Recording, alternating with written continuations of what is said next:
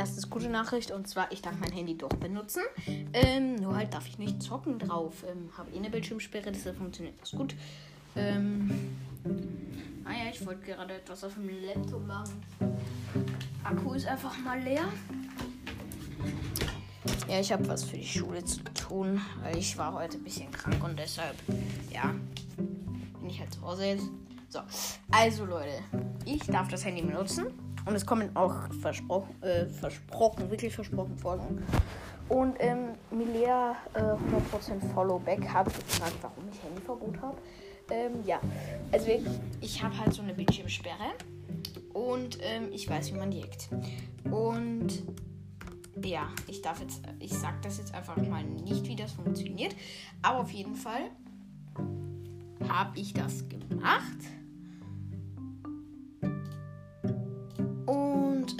Ja, meine Mutter hat halt gesagt, wenn du das nochmal machst, dann ähm, gibt es Handyverbot für, muss ich sich erstmal ausdenken, wie lange.